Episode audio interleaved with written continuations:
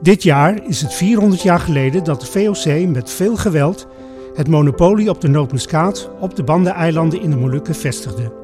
Daarmee werd Banda de eerste Nederlandse op slavernij gebaseerde kolonie. Hoe verhoudt de genocide van Banda in 1621 zich tot het Nederland van vandaag? Welke onvertelde verhalen mogen en moeten een plek krijgen in het collectieve geheugen van Nederland? Het Scheepvaartmuseum staat hierbij stil en houdt deze geschiedenis tegen het licht. Onder andere met de fotografie-tentoonstelling I Love Banda en een onderzoek naar een wel heel bijzonder manuscript verteld vanuit een Bandanees perspectief. In de driedelige podcast, het Scheepvaartmuseum Banda en Beyond, verkent Beyond Walls samen met het Scheepvaartmuseum, experts, historici en kunstenaars deze bewogen historie. Samen belichten wij op deze manier het koloniale verleden en zijn impact op het heden. Mijn naam is Glenda Patipaloui en ik ben educator, momentproducer bij Beyond Wells. Houd me heel veel bezig met de Molukse eilanden, geschiedenis, natuur. En ik zit hier met Wim Manuhutu, maar ik noem hem Oom Wim Manuhutu, want dat is gebruikelijk in de Molukse cultuur. Dus Oom Wim.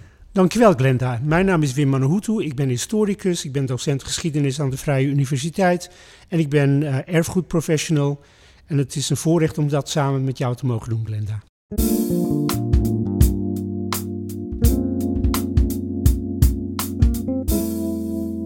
In de vorige afleveringen van de podcastserie Het Scheepvaartmuseum Banda en Beyond hebben we gekeken naar het manuscript, het bijzondere manuscript uit de collectie van het Scheepvaartmuseum en ook naar de complexe geschiedenis van Banda als centrum voor de slavernij. In deze derde aflevering gaan we het hebben over de rol die activisten, maar ook musea spelen in het agenderen en het bespreken en het uh, mogelijk maken van gesprekken over geschiedenissen, ook moeilijke geschiedenissen die raken aan het koloniale verleden van Nederland. En voor deze aflevering hebben wij twee bijzondere gasten aan tafel. Stephanie van Gemert, hoofd educatie en inclusie van het Scheepvaartmuseum hier in Amsterdam, onze gastheer. En uh, Romy Rondeltap van Building the Leo, die vorig jaar in juni samen met twee andere organisaties een protest, een demonstratie heeft georganiseerd rondom, tegen eigenlijk het standbeeld van Jan Pieterszoon Koen in Hoorn.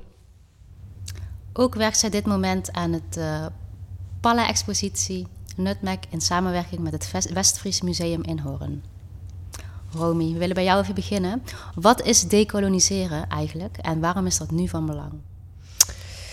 Uh, ja, decoloniseren heeft voor mij uh, meerdere betekenissen. Je kunt het uh, zo breed mogelijk trekken. Ehm, maar voor vandaag in het museum, uh, de onderwerpen die we vandaag raken, ehm, dan ja, zie ik het als uh, het zoveel mogelijk ontdoen van koloniale lagen. Dus um, waar wij bijvoorbeeld uh, met de tentoonstelling waar je net, uh, waar je net naar refereert, um, zelf uh, voor pleiten, is dus het teruggeven van de geschiedenis aan de mensen van wie die geschiedenis eigenlijk is gestolen. En zolang we die narratieven er niet aan toevoegen, blijft dat dus een, ja, een, een, een eenzijdige geschiedenis en ja, door het met de mensen, over de mensen te hebben en het dus compleet te maken, geef je dus mensen eigenlijk hun geschiedenis uh, terug. En dat is voor mensen, um, nou, in dit geval Bandanezen of uh, Molukkers of eigenlijk iedereen, um, alle. Uh, diaspora's die een, band hebben met Nederlands kolonialisme, is het um, ja, voor het, voor het behoud van, van dienstcultuur en identiteit is het heel belangrijk dat, ja, dat die geschiedenis verteld wordt en dat de gemeenschappen er dus ook echt zelf bij betrokken worden. Uh, ja, met het oog op de toekomst. Nou kunnen we natuurlijk niet de ruimte zelf decoloniseren. Want hè, wat, net als zo'n zo'n schip of uh, zo'n museum, dat heeft natuurlijk altijd een koloniale functie gehad. En dat zal het ook blijven. Daar kunnen we niet, uh, ja, we cannot decolonize the museum. Maar we kunnen wel um, het enigszins um, beïnvloeden en zorgen dat het in ieder geval uh, een plek wordt waar iedereen zich gezien, gehoord en uh, gerepresenteerd voelt. Stephanie, als, als ik dan eh, eigenlijk direct mag inhaken, want jij bent hoofd educatie en inclusie. Ehm, we zijn hier in het Scheepvaartmuseum. Ehm, het is natuurlijk een instelling, maar ook een, letterlijk ook een gebouw met een hele, een hele beladen geschiedenis. En uh, Romy zei net van nou, ik vraag me eigenlijk af in hoeverre je zo'n plek uh, kunt, kunt decoloniseren. Dus misschien ook aan jou de vraag wat voor jou of wat voor jullie de term decoloniseren uh, betekent of kan betekenen. En wat daar ook de uitdagingen en misschien ook de, de hindernissen zijn. Ja, dankjewel Wim. Mooie vraag. Ja, decoloniseren is eigenlijk best letterlijk het doorbreken van structuren, van machtsverhoudingen die in de koloniale tijd zijn gelegd. En als Nationaal Scheepvaartmuseum hebben we daarin wel wat verantwoordelijkheid. Dat heeft te maken met de tijd dat dit gebouw is opgericht. Want je vraag ging over het gebouw. En nu zijn er eigenlijk twee verhalen: die over het museum en die over het gebouw. En dan heb je eigenlijk ook nog de museumcollectie. Uh, het Scheepvaartmuseum zit hier eigenlijk pas sinds 1973. En het museum zelf is opgericht in 1909. En het gebouw waar we nu zitten is in de 17e eeuw gebouwd. En dat was van de Admiraliteit van Amsterdam. Uh, hier sloeg de marine het buskruid, wapens, touwen en zo op. Eigenlijk alles wat je nodig had voor oorlogen op zee. En die werden hier door de marine in Europa uitgevochten. En dan heb je deze Amsterdamse buurt en het water waar we nu zitten. En hier, tegenover het gebouw, uh, zat de VOC-werf Oostenburg. En de VOC-schepen werden dus hier in de buurt gebouwd. En ook die VOC-schepen mochten geweld gebruiken in Azië. Ze voerden daar handel en ze mochten om die handel oorlogen beginnen, wapens verkopen. Ze mochten grof geweld gebruiken om zich te verrijken. En dat geweld op Banda door J.P. Koen, om dat handelsmonopolie op nootmuskaat te verkrijgen, dat is daar een goed voorbeeld van. Dus dit is ook zeker de plek waar je dat maritieme verhaal moet vertellen hè, van het koloniale geweld. En dat kan je dan decoloniseren noemen. Dus die ruimte geven voor het verhaal van geweld dat mensen in de koloniale geschiedenis is aangedaan. En in gesprek gaan hè, met Nederlanders die zich geraakt voelen uh, door dat koloniale geweld. Bijvoorbeeld omdat ze ouders of voorouders hebben uit de Molukken. Um, en zo kun je een veel minder plat verhaal vertellen dan alleen die glorie van de 17e eeuw vanuit één enkel Nederlands perspectief. Want daar wil je aan voorbij. En een voorbeeld is dan die tentoonstelling I Love Banda, hè, waar we portretten laten zien van jongeren op Banda nu. Um, en het verhaal van het geweld op Banda en de rol van de VOC daarbij um, vertellen. En dus en een historisch verhaal. En hoe reflecteren jongeren nu op die koloniale tijd? Want Banda is niet alleen Nederlandse geschiedenis. Hè? Er was zoveel meer voor en er was zoveel meer na die Nederlandse koloniale overheersing. En dat vind ik ook wel mooi decoloniaal aspect in deze tentoonstelling. Mhm. Jouw titel is, is mooi, hè? Educatie en inclusie. En nou is het woord inclusie uh, natuurlijk een woord wat je tegenwoordig heel vaak leest, ook waar het gaat om de culturele sector. En ik zou eigenlijk uh, aan jullie beiden willen vragen, uh, met jou beginnen, Stephanie en, en, dan, dan Romy, wat jullie verstaan onder, onder dat woord in, inclusie. Ja, ja, grappig. Toen ik, ik ben anderhalve maand aan het werk bij het Scheepvaartmuseum. En uh, ik had direct dat gesprek eigenlijk van... joh, jullie zoeken nu een hoofd educatie en inclusie. Ik heb veel ervaring met inclusieve tentoonstellingen maken... inclusieve programmering. Wij vertellen ook in het Scheepvaartmuseum altijd uh, het verhaal met de Gouden Eeuw tussen aanhalingstekens... en stellen meteen ter discussie, kun je dat wel zo noemen. Hè? We willen dat verhaal ook heel duidelijk maken... Uh, maar in, in mijn gesprekken zei ik wel direct: ja, ik ben niet de enige die het museum inclusief gaat maken. ik denk dat we dat met z'n allen moeten doen. En ik merk uh, dat in het museum daar ook echt wel veel over wordt gesproken. Dat we dat gesprek ook met elkaar aangaan. Dus het is niet iets wat ik. Um, ik ben gedreven hierin. Ik wil een inclusief museum zijn en ik wil dat iedereen hier zich welkom voelt. Ik ben me ook er bewust van dat dat niet met een projectje is afgedaan en dat inclusie een proces is. en misschien altijd een ideaal zal blijven. Hè? Je werkt altijd naar, je wil altijd nog toegankelijker, nog verwelkomender zijn. Dus het is ook, uh, mijn rol is in die zin ook echt een aanjager en het gesprek in het museum aangaan. En ik merk dat het museum daar ook voor open staat. Ja.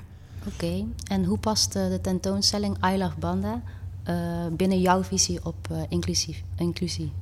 Ja, zoals ik net zei, geloof ik dat inclusiviteit ook het gesprek is. Aangaan en het gesprek blijven aangaan. En wij vertellen hier het verhaal van maritieme geschiedenis.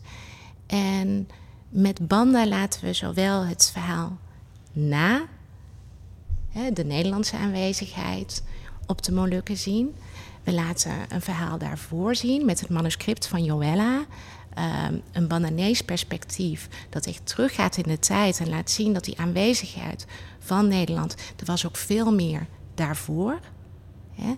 En we vertellen het verhaal van ehm, het monopolie van nootmuskaat op Banda hè, en de rol van de VOC daarin en het koloniale geweld.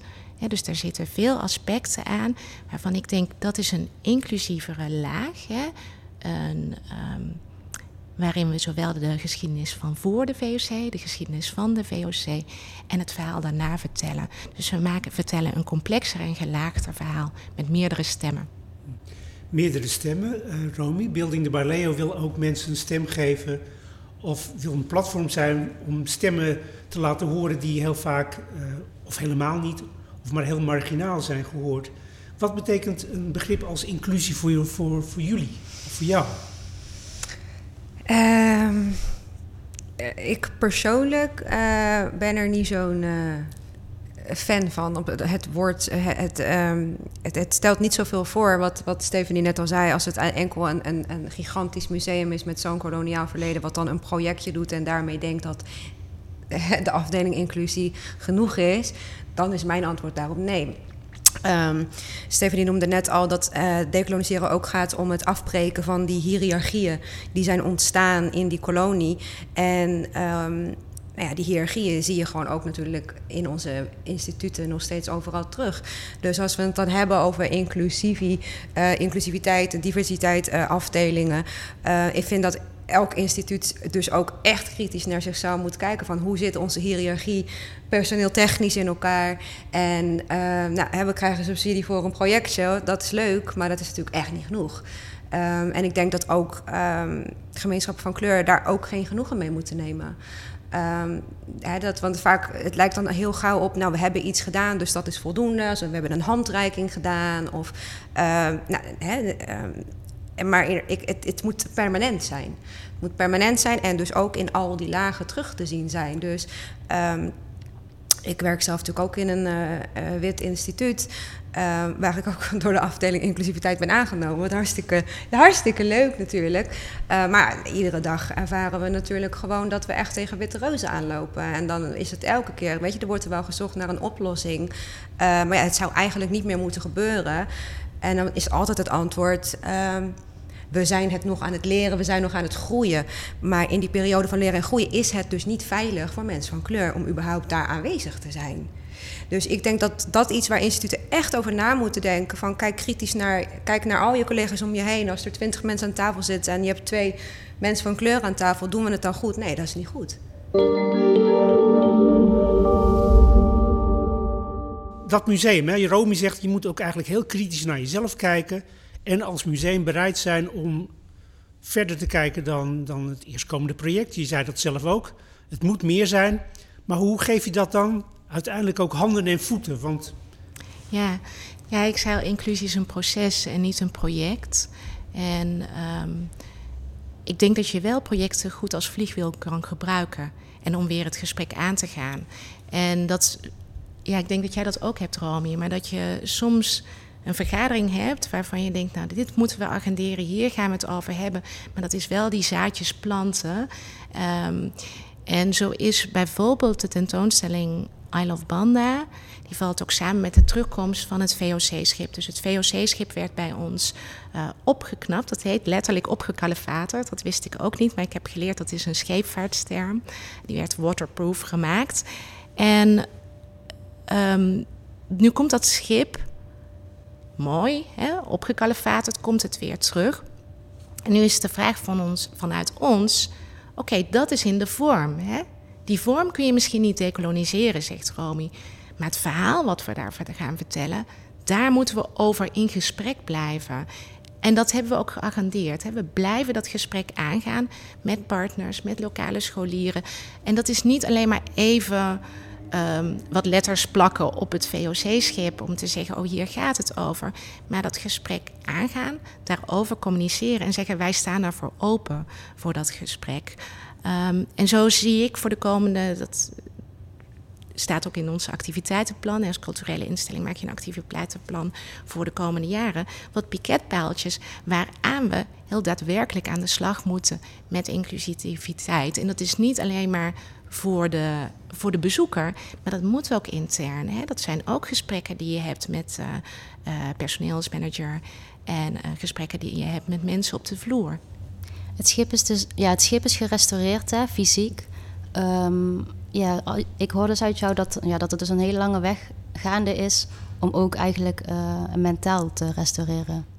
Ja, het gaat eigenlijk over de verhalen aan boord. Het schip komt uit uh, de jaren negentig, is het hier voor het museum aan de stijgers gelegd. En in die tijd, en dat is ook een voortschrijdend inzicht. Hè? De tijden zijn ook veranderd. En in die tijd was het, men ging op bezoek om te kijken hoe een VOC-schip eruit zag. En eigenlijk dacht men niet zoveel na over de context van waarin dat koloniale context, waarin dat uh, VOC-schip ja, opereerde, waarin het voer. Wie waren daar aan boord en wie kwamen daarmee terug?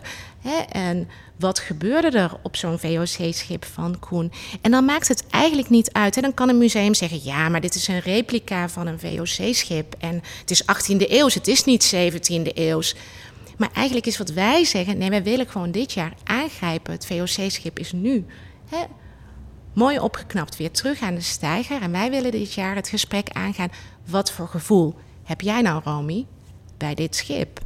Hè? En wat, welk verhaal moeten we hieromheen vertellen? Wim. Dus dat is het gesprek wat wij dit jaar aangaan. En dat betekent inderdaad dat we een ander verhaal gaan vertellen. Naast dat verhaal van wat een mooi ambacht hè, om zo'n schip te maken. En uh, zo lang was je aan boord. Hè. Dus daar zit er meer een, een breder verhaal over maritieme geschiedenis. Dat niet alleen gaat over hè, het schip wat vertrok en weer aankwam. Romy, Stephanie heeft de vraag gesteld. Wat voor gevoel krijg je als je naar dat schip naar dat schip kijkt? Nou, nu weet ik uh, dat dit schip, geloof ik, geen personen heeft vervoerd. Of wel?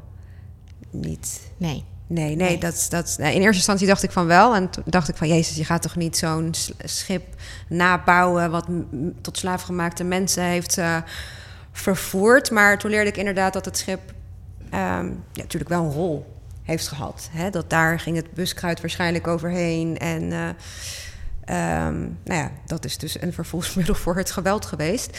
Um, ja, vind ik wel een interessante vraag. Ik hoor je uh, vraag, ik hoor je antwoord. Ja. Eigenlijk zeg je, joh, ik wil wel weten of dit schip een rol heeft gespeeld in het koloniale geweld. Ja, en, en ik kan je vertellen dat er een kruidkamer aan boord van het VOC-schip was, ook in de 18e eeuw. Dus men nam wel wapens mee hè, om de handelsbelangen te verdedigen van de VOC. Um, en dat is een hele interessante vraag. Die nu hebben we wel heel netjes aangewezen. Hier is de kruidkamer en daar zijn de kogels. Hè, maar jij vraagt zich, maar wat is nu de link? Met het geweld daar. En dan kan ik ook mm. zeggen: ja, maar dat, dat schip, dit schip, is eigenlijk in Engeland al ten onder gegaan. Dus daar is nooit, nooit geweld mee gepleegd. Punt. Maar dat willen we niet. Dus we willen wel antwoord op die vraag ja, geven. Nee, precies. Ja, nou ja, het is denk ik gewoon het. Kijk, ik heb. Het, en het is net als dezelfde, diezelfde vraag krijg ik natuurlijk ook heel vaak als het gaat over het standbeeld van Koen. Kijk, het standbeeld zelf of zo'n schip wat daar ligt, het is niet dat dat me raakt persoonlijk. Of dat het, dat het iets met me doet als ik het zie. Het doet niks.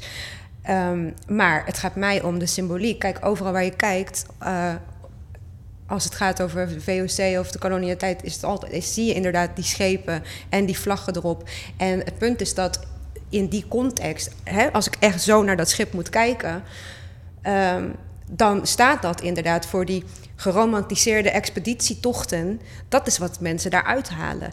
Maar omdat ik weet waar die tochten naartoe gingen en waar dat toe heeft geleid en wat de gevolgen daarvan zijn, uh, vind ik dus dat dat niet inderdaad op zichzelf moet kunnen staan. Dat het er staat in zijn, in zijn, in zijn glorie. Um, dat past dus wel bij dat narratief van kijk hoe glorieus de VOC is geweest of hoe goed Nederland het heeft gedaan voor de welvaart. Um, maar dat laat dus wel alles weg. Dus vandaar dat inderdaad wat je zegt, welke, wat, wat, gaat, wat gaat die inhoud van dat schip ons vertellen? En wordt dat dan geromantiseerd, geromantiseerd verteld? Of gaan we gewoon echt in termen vertellen waar mensen inderdaad, wat ze denken, gadverdamme, dat wil ik helemaal niet horen maar wat ze wel moeten horen. Dus voor mij is dat heel erg belangrijk. Vandaar dat ik ook de vraag stelde van wat, waar is dat schip voor gebruikt? Um, Um, net, letterlijk dat er bij Koen letterlijk bloed aan zijn handen kleeft. Hoeveel bloed kleeft er aan dit schip? En hoe kunnen we dat um, zorgen dat, dat, dat, dat mensen weten waar die schepen voor gebruikt zijn? Ja, en ik denk wat het museum nu wil doen, is inderdaad zeggen: oké, dit VOC-schip, deze replica, is daar nooit voor gebruikt. Maar wij willen ook dat bredere verhaal vertellen, waar jij nu zegt, daar hoort dat geweld ook bij. Hè? En ik hoor je vraag heel duidelijk. Dus eigenlijk, hè, ik wil dat schip ook dat erkend wordt dat er emotie omheen hangt.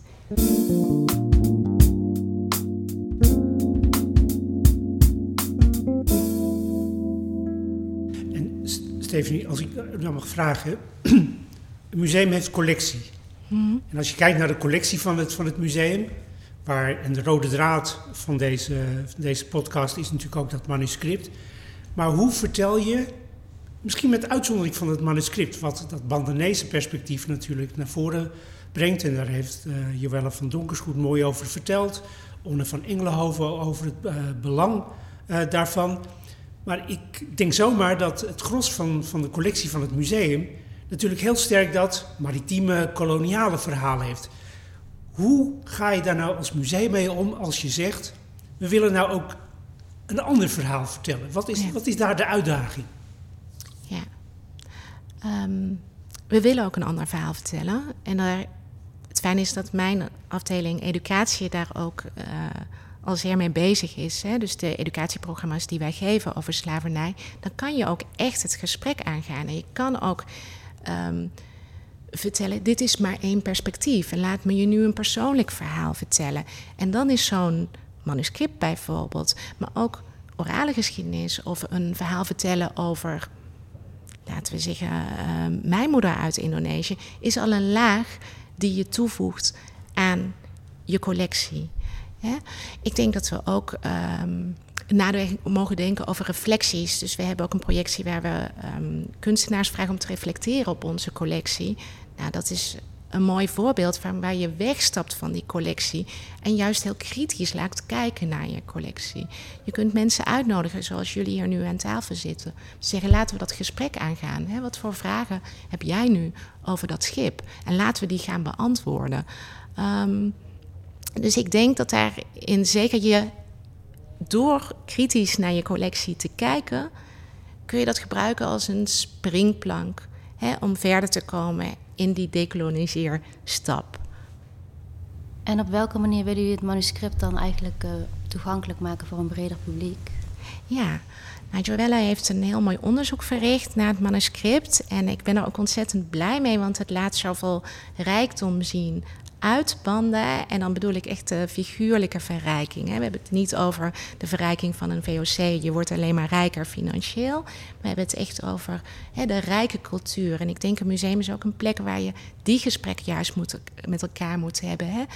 Hoe is mijn cultuur nu rijker geworden?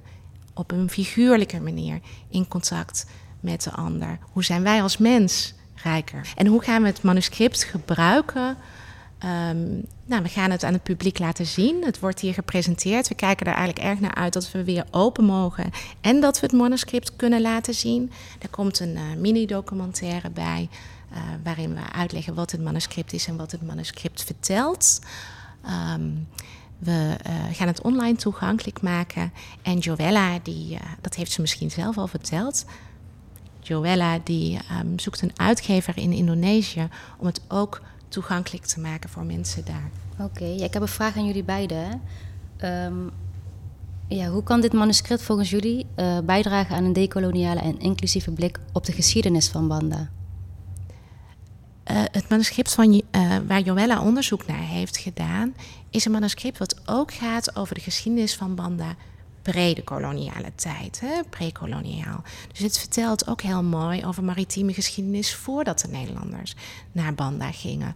Uh, en dat vind ik iets zeer inclusiefs. Hè? Dat we ook laten zien dat er mensen waren voordat. En dat Banda niet alleen bestaat in relatie tot Nederland. Dus dat vind ik een, mooie inclusieve laag. Ik vind het ook heel mooi dat het manuscript 85 pagina's lang is, maar slechts een klein gedeelte gaat over Koen. Um, maar dat het daardoor ons ook wel een perspectief geeft vanuit Banda op die gebeurtenis. Wat wij in de eerste aflevering uh, te horen kregen van uh, Onne van Engelenhoven, taalwetenschapper, zelf van Molukse origine, is dat hij in die tekst eigenlijk een tekst herkende die eigenlijk uitgesproken moet worden.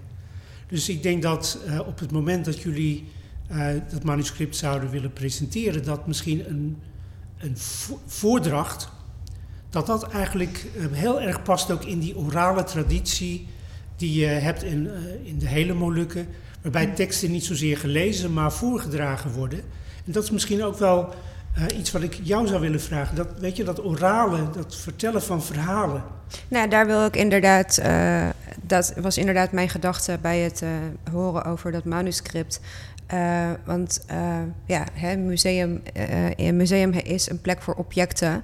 En wat je vaak ziet als het dus gaat over um, um, ja, die onderbelichte personen of bevolkingsgroepen uit die geschiedenis, die worden niet eens, hè, die worden vaak genoemd uh, man uit Banda. Heeft geen naam, heeft geen identiteit, is dus daarmee toont al aan dat ze hem eigenlijk niet relevant vinden, maar toch dat object willen neerzetten, want dat is dus weer commercieel technisch voor zo'n museum hartstikke gunstig. Dus mijn advies, of hoe ik daarnaar zou kijken, is: eh, ik zei net al, bij, eh, eh door het teruggeven wat wij met verschillende samenwerken doen, is echt mensen een stem proberen terug te geven. Dus inderdaad, ik, vind het, ik ben het daar helemaal mee eens. Um, laat het vertellen. Um, geef dat object, stop daar een mens bij. Maak het, humaniseer het object. En um, ik denk dat dat uh, veel, heel waardevol is voor beide partijen. En dat je daarin dus ook echt uh, laat zien dat je uh, het doet voor de, voor de persoon en voor een gemeenschap en niet voor het, omdat het om het object gaat. Um, dus dan doe je ook weer dat stapje terug van dat, nou ja, het objectiveren van mensen, wat dus echt in de kolonialiteit natuurlijk altijd gebeurd is. Wat ik je eigenlijk hoor zeggen, en dat vind ik eigenlijk wel een mooie tip, maar ook iets waar ik ook een beweging in zie hoor, is dat. Um, misschien waren musea vroeger altijd hè, de plek waar alles vast werd gehouden en beheerd en behouden. En het moest ook zo altijd gehouden worden. En wat zo verrijkend is aan zo'n manuscript, is dat het ook laat zien dat een object meer is dan een object. En dat je daar ook een andere presentatievorm voor kan vinden dan alleen maar een vitrinekast eromheen. Ja, dus je zegt eigenlijk, ja, die orale traditie, die, dat hoor ik nu net ook van, van Wim, want het onderzoek is nog gaande. En dan hoor ik zo'n mooie opmerking van dat is eigenlijk, past eigenlijk heel mooi in die Molukse traditie van orale geschiedenis en het vertellen. Laat het dan ook vertellen. En dat vind ik een hele mooie suggestie.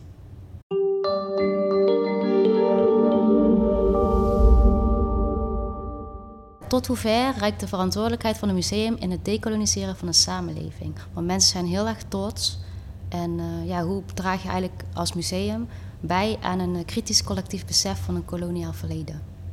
Ja, ik vind dat een hele mooie vraag. En tegelijkertijd ook een hele moeilijke vraag. Hè? Want hoe draagt een museum bij aan een kritisch collectief besef van, van mensen? Nou, we komen eigenlijk uit een tijd waarin musea heel erg oplegden. Hè? Dus de eerste musea waren eigenlijk nationalistische verhalen, werden daar verteld. En ik spreek denk ik voor mezelf, maar ook voor het museum als ik zeg, daar willen we eigenlijk vandaan. Dat we precies opleggen wat mensen moeten denken en voelen. Maar wat we wel mogen doen, is dat hele bredere verhaal vertellen. Hè? Dus kritisch zijn naar onszelf, naar hoe onze collectie tot stand is gekomen. En wat voor lacunes daarin zitten. En dat zijn precies die perspectieven waar ook Romy het over heeft. Um, de pijn, hè, je niet erkend voelen, je niet herkennen in die collectie. Nou, die gaten, dat vind ik dat een museum daar de verantwoordelijkheid in heeft om die te adresseren, het daarover te hebben en die verhalen, de pijnlijke verhalen, het koloniale geweld, dat te vertellen.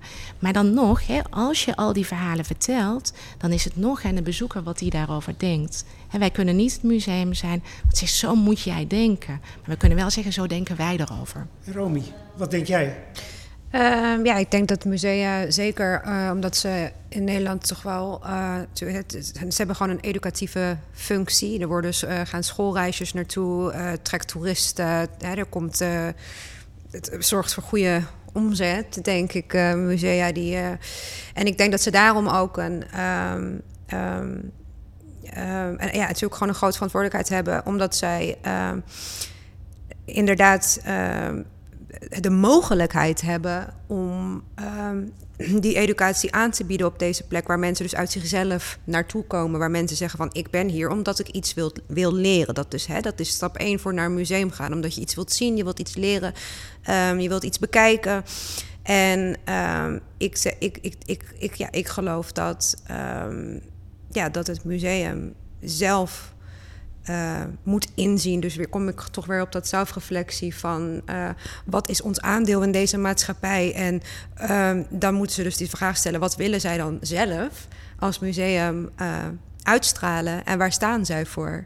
En ik denk dat dat inderdaad, wat je zei van hè, dat het musea zijn ooit gestart vanuit een om hem nationalisme van Nederland toch wel hè, neer te zetten. Kijk hoe goed we zijn op alle vlakken.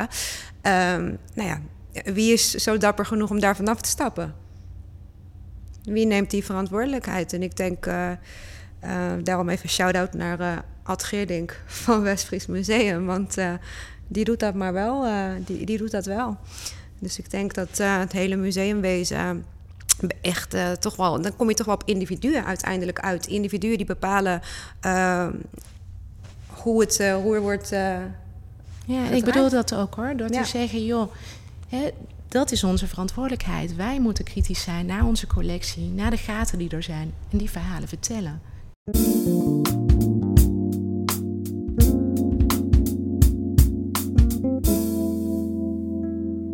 In deze laatste aflevering hebben we het gehad over de verantwoordelijkheid en de rol die activisten, maar ook musea hebben als het gaat om een meer decoloniaal en een meer inclusief uh, beleid. Maar wat heb jij er eigenlijk uh, van meegekregen, Glenda?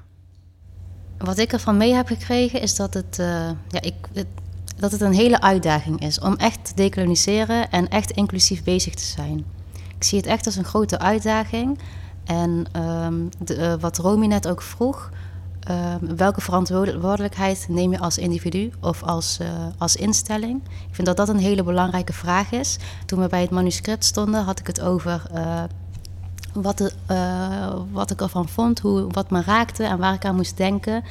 Um, ja, ik, mijn conclusie is eigenlijk dat. Uh, ik vind het belangrijk dat, dat het manuscript uh, tentoongesteld wordt en, of toegankelijk wordt voor iedereen.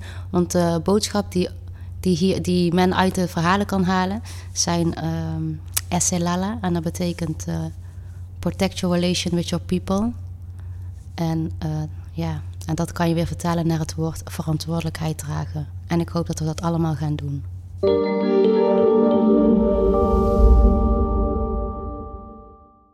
Klik nog niet op het kruisje of swipe nog niet weg, want we sluiten alle afleveringen af met een bijzondere bijdrage uit Kei. Dat doen we met Rudy Fofiet. We connecten via Zoom met Rudy Fofiet, want hij heeft iets bijzonders voor ons in petto.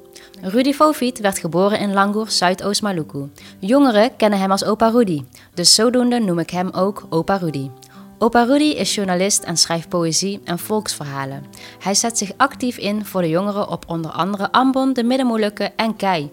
De voorouders van Opa Rudy komen uit Banda en zijn gescheiden geraakt van Banda Eli en Banda Elat. Al 15 generaties lang wonen zij op Kei in het dorp Nyongov. De verwanten van Banda Eli en Banda Elat zijn islamitisch en de familie Fofit is katholiek geworden. De onderlinge banden op Kei zijn sterk en tot op de dag van vandaag altijd onderhouden.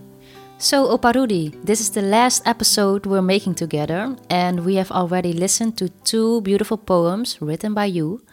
And I think we are all curious now about the last one.